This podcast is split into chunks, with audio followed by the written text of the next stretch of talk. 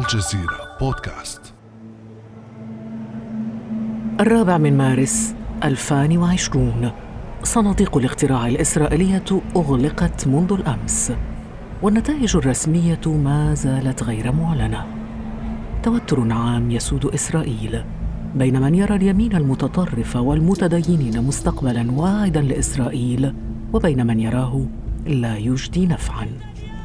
لكن قبل ساعات قليلة خرج بنيامين نتنياهو معلنا فوزه في الانتخابات وداعيا ناخبيه إلى اجتماع استعجالي لبدء التحضير للمرحلة القادمة. فكيف دارت معركة الجولة الثالثة من الانتخابات الإسرائيلية؟ وكيف استطاع نتنياهو صنع تاريخ ساعده على خوض هذه الانتخابات والتغلب على كل التحديات؟ وكيف سينعكس فوز الرجل على المنطقة العربية؟ بعد أمس من الجزيرة بودكاست أنا خديجة من جنه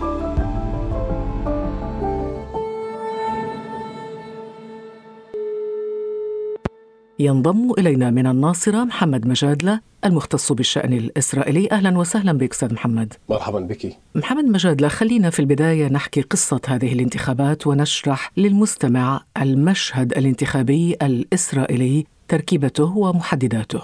هذه الانتخابات بعد محاولات كبيرة من قبل بنيامين نتنياهو وكذلك من قبل بني جانس لتشكيل حكومة أي فعليا من حيث عدد الأصوات لتشكيل هذه الحكومة يجب أن تحصل على دعم من 61 عضوا في الكنيسة الإسرائيلي. في حال فشل ذلك ذهبوا إلى انتخابات جديدة. هذه الانتخابات تم الوصول إليها في شهر سبتمبر من عام 2019 ذهبت كل الأطراف مجددا مع فكرة ومع رؤية بأنها ستتمكن من تحقيق الحسم ولكن خارطة المعسكرات في إسرائيل لم تمكن من ذلك. هذا يعني بأن بني جانتس الاليانس وتحالف كحول لافان أي أزرق أبيض الذي حصل على عدد المقاعد الأكبر ولو كان بفارق مقعد واحد لم يتمكن من تشكيل الحكومة أيضا. ولذلك نتنياهو حاول وبني جانتس حاول أيضا ولم يتوصلا إلى أي صيغة يمكن أن توصل إلى حكومة. ومن هنا ظهرت الفكرة القديمة الجديدة يعني إذا ما صح هذا التعبير وهي حكومة الوحدة الوطنية. بموجب هذه الحكومة يكون هناك تمثيل ثنائي متساوي للقطبين الكبيرين تحالف كحول لافان أزرق أبيض وحزب الليكود برئاسة بنيامين نتنياهو نتنياهو والذي سيكون الشخص في المنتصف هو أفيغدور ليبرمان رئيس حزب إسرائيل بيتنا. نحن فعليا في الانتخابات الحالية بسبب فشل معسكرات إسرائيل من حسم هذه الانتخابات. هذه الجولة الثالثة من الانتخابات لماذا إذا لم تحسم الانتخابات من بدايتها؟ يوجد انقسام في الشارع الإسرائيلي. انقسام بين أمرين حقيقة. يعني المجتمع الإسرائيلي عادة ما ينقسم في ظل الأزمات. ولكن إسرائيل تعيش أزمة مستمرة. منذ عقد من الزمان نتنياهو كان قد تبوأ ووصل إلى سدة الحكم عام 2009 ومنذ ذلك الحين عقد من الزمان نتنياهو يحاول إغلاق الملفات التاريخية التي تنقسم عليها الآراء الإسرائيلية. بالمناسبة هو الأطول حكما في تاريخ إسرائيل.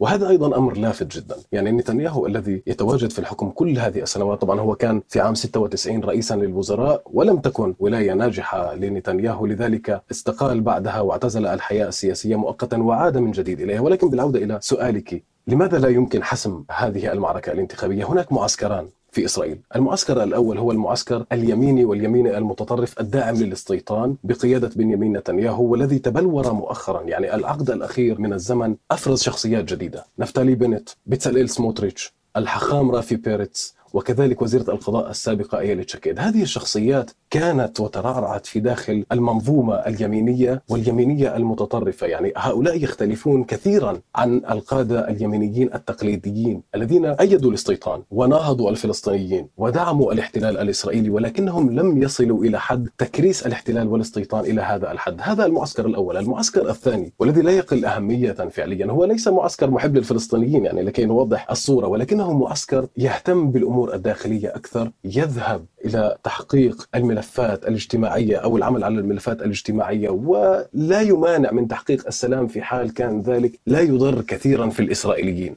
هذا المعسكر لم يعد معسكر اليسار اليسار الإسرائيلي تقريبا قد اختفى يعني مع سنوات التسعينيات هو معسكر المركز واليسار هكذا يسمى اليوم طب بين هذين المعسكرين أين موقع الأحزاب العربية؟ يعني الأحزاب العربية حقيقة هي صوت نادر في الخارطة السياسية الإسرائيلية. وأنا أريد أن يعني ألفت النظر ربما إلى أمر غريب قليلا. في هذه الانتخابات تحديدا الانتخابات التي نعيشها سيكون هناك تصويت لم يسبق له مثيل من قبل المجتمع الإسرائيلي اليهودي للقائمة المشتركة العربية لأن هؤلاء هذا الجمهور الإسرائيلي اليساري التقليدي الذي كان يصوت لأحزاب ميرتس والأصوات المؤيدة للسلام لا يوجد له بيت سياسي اليوم. فالقائمة المشتركة اليوم هي تمثل اليسار الإسرائيلي التقليدي. وأنا لا أقصد إسرائيلي بأن القائمة المشتركة إسرائيلية ولكن على الخارطة السياسية الإسرائيلية القائمة المشتركة هي في أقصى اليسار اليوم هي التي تنادي بضرورة إقامة دولة فلسطينية على حدود الرابع من حزيران عام 67 على ضرورة إنصاف المواطنين العرب الفلسطينيين حاملي الجنسية الإسرائيلية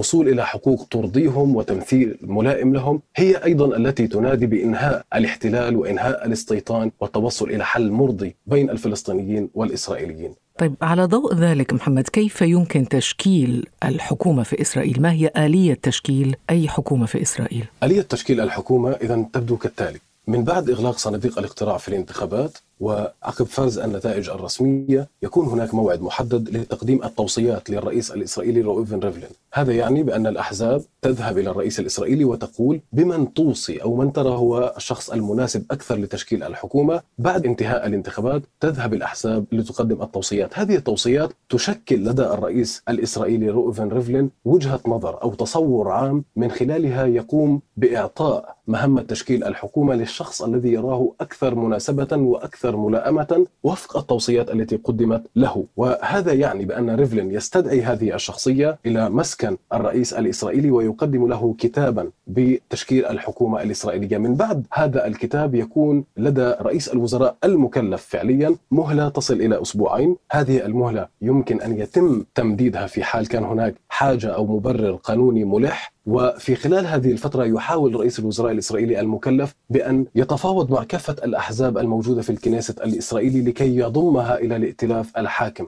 نعود إلى موضوع الانتخابات والدعاية الانتخابية. محمد إلى أي مدى يمكن أن تكون؟ طبعا شهدنا في الفترة الأخيرة تصعيد في غزة. هل لهذا التصعيد علاقة ما بالانتخابات التصعيد في غزة مع سوريا؟ هل هذا من قبيل الدعاية الانتخابية الإسرائيلية التي ينتهجها نتنياهو برأيك؟ يعني نتنياهو هو من أبرز المستغلين للقلاقل الامنيه عادة وتاريخيا ومن المهم أيضا أن نوضح بأن اليمين الإسرائيلي هو الأكثر استفادة من أي تصعيد أمني حاصل. تجددت الغارات الإسرائيلية على غزة فور انتهاء فترة التهدئة الإنسانية التي استمرت نحو خمس ساعات. هذا يعني بأن الناخب اليميني الإسرائيلي الذي يصوت للليكود تاريخيا عندما يحدث تصعيد أمني ما، حرب على غزة أو عدوان على غزة أو تصعيد عسكري مع سوريا على سبيل المثال. تفادت إسرائيل في السابق الإعلان عن العمليات التي يعرف الجميع أنها نفذتها في سوريا خلال السنوات السبع الأخيرة وحتى قبل ذلك. أما الآن فقد أعلنت أنها دمرت أغلب المواقع الإيرانية في سوريا.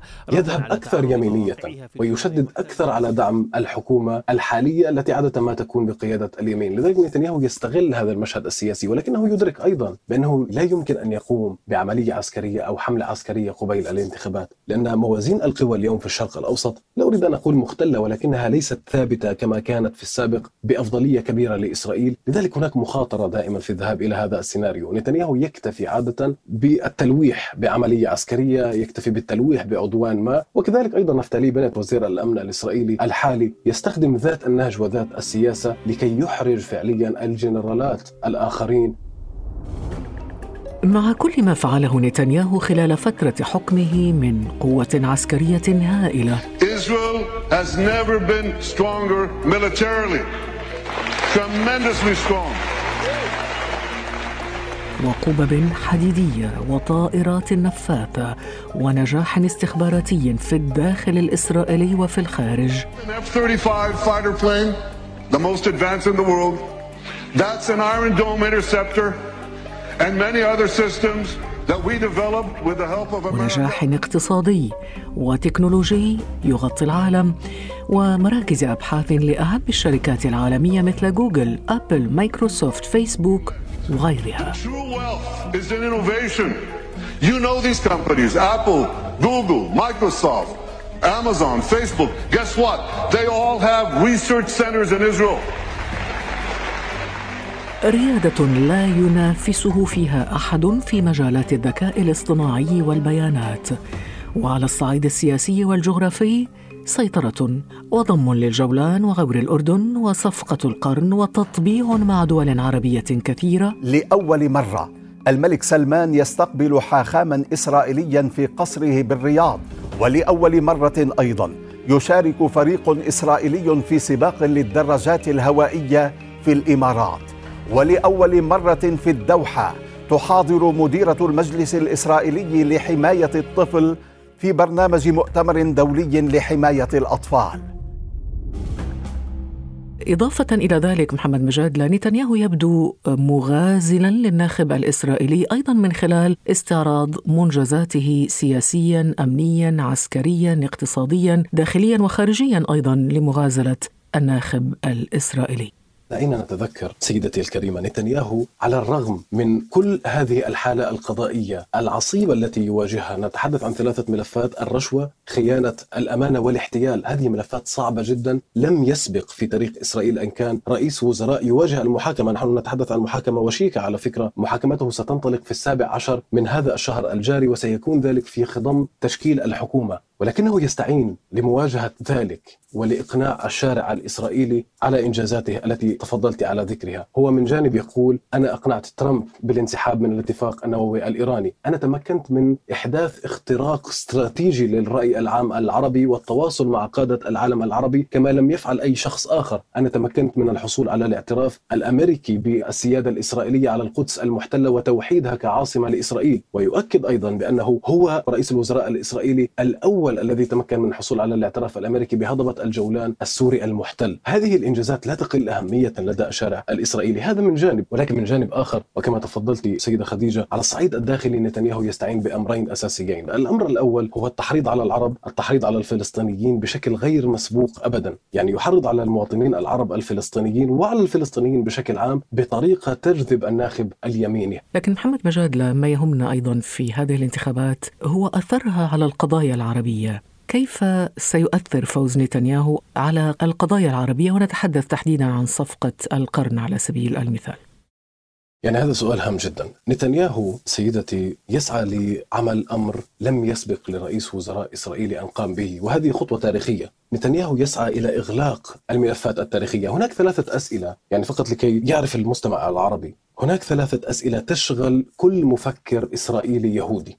اولا يهودية أم ديمقراطية إسرائيل؟ لأن إسرائيل في وثيقة الاستقلال كما تسمى نصت على أن تكون هذه الدولة يهودية وديمقراطية بالضرورة وبالتوازي. هذا سؤال هام، هل هي تكون دولة يهودية أكثر من كونها ديمقراطية أم ديمقراطية أكثر من كونها يهودية؟ ونتنياهو أنهى ذلك من خلال سن قانون القومية الذي يضمن الحق الحصري لليهود فقط بتقرير المصير داخل ما يسمى بأرض إسرائيل. فهذا الملف الأول الذي أغلقه نتنياهو وتمكن من ذلك. هناك أمر آخر أيضا وسؤال لا يقل أهمية وهي إن سمحت لي أن أقول بالعبرية ما يسمى بشليموتها عام لفني شليموتها آرتس وهذا يعني وحدة وسلامة الشعب قبل وحدة الأرض. وهذا الذي يتصل مع سؤالك. نتنياهو يحاول إغلاق الملف التاريخي الثاني المقلق والذي يشغل بال المفكرين الإسرائيليين. هل تذهب إسرائيل للاستيلاء على كافة الأراضي المتاحة لديها أم تحافظ على وجودها اليهودي في هذه الرقعة الصغيرة نسبيا التي تتواجد بها اليوم؟ هنا يكمن الخلاف بين نتنياهو وبين معسكر المركز واليسار. إغلاق الملفات التاريخية إغلاق قضية الدولة الفلسطينية نهائيا والتوصل إلى دولة واحدة ثنائية القومية ولكنها دولة بنظامين ما يعني نظام فصل عنصري في العام 2020 هذا أمر غير وارد الحسبان لدى كل عقلاني إسرائيلي في حال تواجده ولذلك نتنياهو يحظى بهذه المناوئة من معسكر المركز واليسار. وهذا الملف الثاني. الملف الثالث الذي يسعى نتنياهو لإغلاقه بعد هذه الانتخابات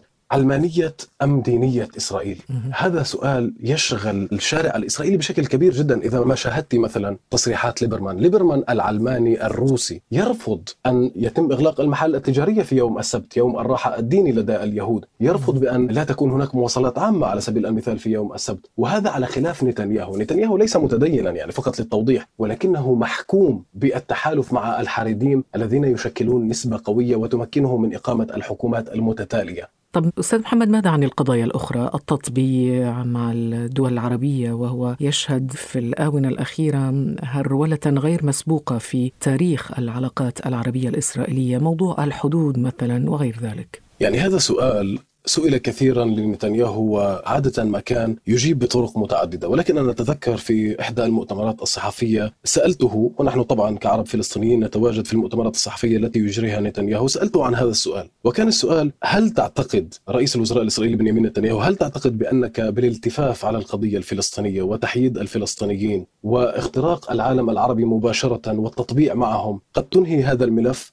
كان جواب نتنياهو متعجرف جدا وقال العرب يفهمون باللغة التي نتحدث بها نحن والدليل هو بأن حكومات عديدة في السابق حاولت الوصول إلى السلام مع الفلسطينيين ومع العرب ولم تنجح. أما نحن وهو يتحدث عن الليكود وعن سياسته الحالية سياسة الاحتلال وتكريس الاستيطان قال بأن هذه هي السياسة التي تقرب العرب أي سياسة القوة تقرب العرب من الوصول إلى إسرائيل. والدليل على ذلك هو هذا الانفتاح الجاري حاليا. هكذا يبرر نتنياهو على فكرة سيدة خديجة كل هذه الاختراقات للعالم العربي. نتنياهو يؤكد ليس هو فقط هو ومعسكره بأن قوة إسرائيل الأمنية والعسكرية والاستراتيجيه والاقتصادية أيضا هي التي تحدد هذه العلاقة مع العالم العربي. وعلى سبيل المثال يعني دائما ما يطرح النجاحات المتواصلة لإسرائيل بأنها تتمكن من اختراق الرأي العام العربي. هو يؤكد دائما بأن القوة الاقتصادية والقوة التكنولوجية هي التي تجلب العالم العربي للتطبيع مع إسرائيل ولكن في طبيعة الحال لابد من التأكيد على أمر هام جدا.